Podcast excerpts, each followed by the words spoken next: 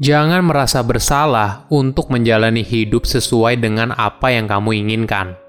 Halo semuanya, nama saya Michael. Selamat datang di channel saya, Sikutu Buku. Kali ini saya akan bahas buku Girl Stop Apologizing karya Rachel Hollis. Sebelum kita mulai, buat kalian yang mau support channel ini agar terus berkarya, caranya gampang banget. Kalian cukup klik subscribe dan nyalakan loncengnya Dukungan kalian membantu banget supaya kita bisa rutin posting dan bersama-sama belajar di channel ini. Buku ini membahas kalau kita harus berhenti hidup dalam ketakutan atas penilaian orang lain. Rachel melihat banyak wanita hidup dalam kondisi seperti ini. Dalam hati, mereka ingin mencapai sesuatu yang lebih. Namun mereka takut dicemooh, dianggap tidak cukup baik, dan sebagainya. Dia juga membahas tantangan yang dialami oleh wanita dan bagaimana seorang wanita berhenti merasa bersalah jika mengejar mimpi yang dia inginkan.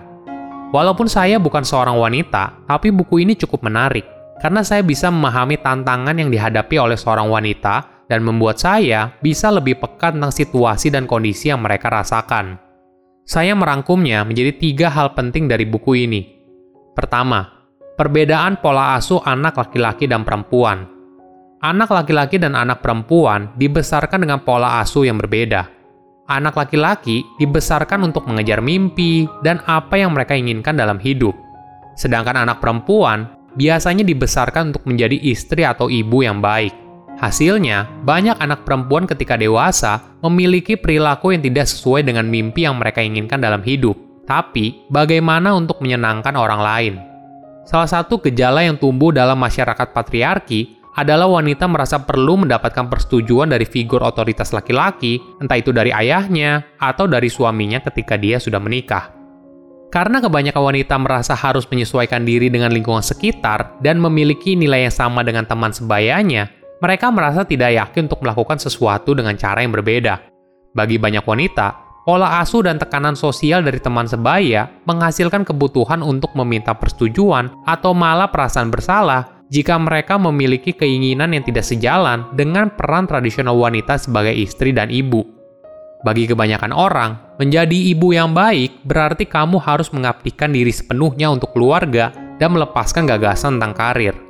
Namun Rachel menekankan, seharusnya seorang wanita berhenti untuk merasa bersalah dan mulai mengakui apa yang mereka inginkan dalam hidup.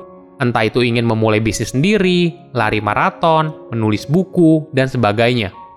Jadi, untuk bisa bebas dari belenggu yang sudah mengakar kuat, kamu harus berani jujur pada diri sendiri dan berhenti fokus untuk memenuhi ekspektasi orang lain.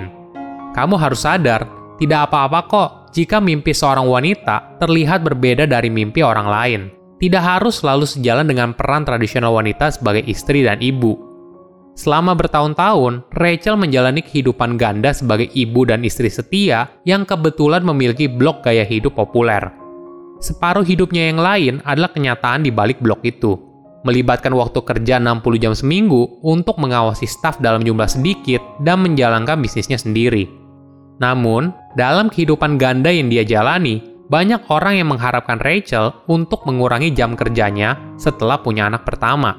Karena ada pendapat populer yang menyatakan kalau wanita yang bekerja sebanyak Rachel pasti tidak bisa punya waktu yang cukup untuk jadi ibu yang baik.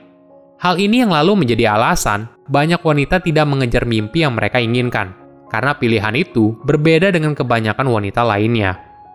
Kedua, waktu itu harus diluangkan, bukan dicari.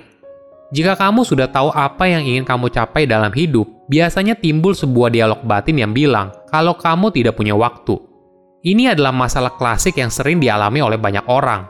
Rachel menyarankan kalau kamu ingin mencapai tujuan hidup yang kamu inginkan, maka kamu harus berhenti mencari waktu dan mulai meluangkan waktu. Ini adalah pemikiran yang menarik. Kita terkadang suka beralasan tidak punya waktu. Mungkin sebenarnya yang dimaksud, kita tidak meluangkan waktu, bukan tidak punya waktu. Kita juga harus sadar, untuk mencapai hidup yang kita inginkan, kita perlu membuat keputusan yang sulit dan juga pengorbanan. Artinya, kita harus siap mengorbankan sebagian waktu yang kita miliki untuk mengejar mimpi yang kita inginkan. Mungkin kamu merasa kalau hal ini tidak mungkin, karena jadwal kamu yang sekarang saja sudah sibuk sekali. Namun perlu diingat, kalau seorang ibu yang sibuk atau CEO dari perusahaan besar saja mampu meluangkan waktu untuk lari maraton, maka kamu juga pasti bisa meluangkan waktu. Ada tips lain yang bisa kamu praktekkan. Coba buat jadwal yang berisi bagaimana kamu menghabiskan setiap jam dalam seminggu. Lalu, coba cari waktu 5 jam yang kosong selama seminggu di mana kamu akan berkomitmen untuk menghabiskan waktu tersebut demi mengejar mimpi yang kamu inginkan. Mungkin tidak perlu 5 jam sekaligus, tapi kamu bisa menyebarnya dalam seminggu. Kamu pun bisa mengatur jadwalnya sesuai dengan jam produktif kamu. Misalnya, jika kamu lebih produktif bekerja di pagi atau malam hari, maka buatlah jadwalmu di sana. Sekarang, coba praktekkan tips yang sudah disebutkan di atas ke minggu depan. Apabila sudah, coba kamu evaluasi dan bagaimana kau bisa membuat minggu depannya lagi menjadi lebih baik. Ketiga, menjadi orang yang sedikit egois. Apakah menjadi egois adalah hal yang buruk? Terkadang, kita butuh untuk menjadi orang yang egois demi meraih apa yang kita inginkan dalam hidup. Ayah Rachel mengingat kata-kata yang diucapkan oleh profesornya ketika dia memulai pendidikan PhD.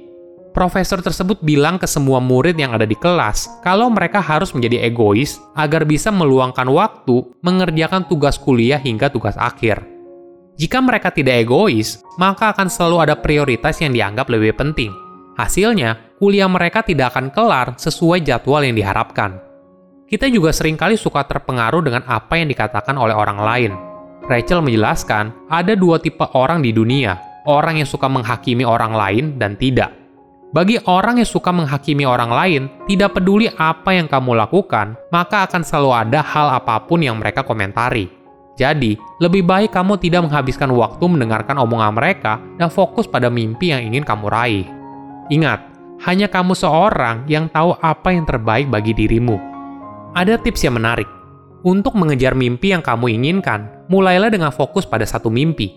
Tentu saja, kadang kita tergoda ingin meraih banyak hal dalam hidup.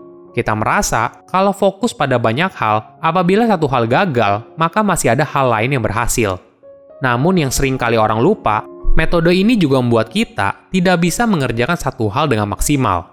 Ibarnya seperti perumpamaan, ketika semuanya penting, maka sebenarnya tidak ada yang penting. Untuk membantu kamu fokus, kamu bisa menggunakan metode 10-10-1. Jadi, kamu bisa mulai dengan berpikir apa yang ingin kamu capai dalam 10 tahun ke depan. Lalu, kamu tulis dengan detail apa yang kamu mau, mulai dari tempat tinggal kamu seperti apa, hidup apa yang ingin kamu jalani, dan sebagainya. Jika sudah, sekarang bayangkan 10 mimpi yang akan membantu mewujudkan impian kamu menjadi kenyataan. Lalu dari 10 mimpi itu, pilih satu tujuan yang menurutmu paling penting dan lakukan dengan sebaik-baiknya. Kalau disimpulkan jadi seperti ini, 10 tahun, 10 mimpi, dan satu tujuan. Jangan biarkan pendapat orang lain menjadi penghalang kamu untuk meraih mimpi. Kamu yang paling tahu apa yang kamu mau dan bebas menjalani hidup yang kamu inginkan. Silahkan komen di kolom komentar pelajaran apa yang kalian dapat ketika baca buku ini. Selain itu komen juga, mau buku apa lagi yang saya review di video berikutnya. Saya undur diri, jangan lupa subscribe channel YouTube Sikutu Buku. Bye-bye.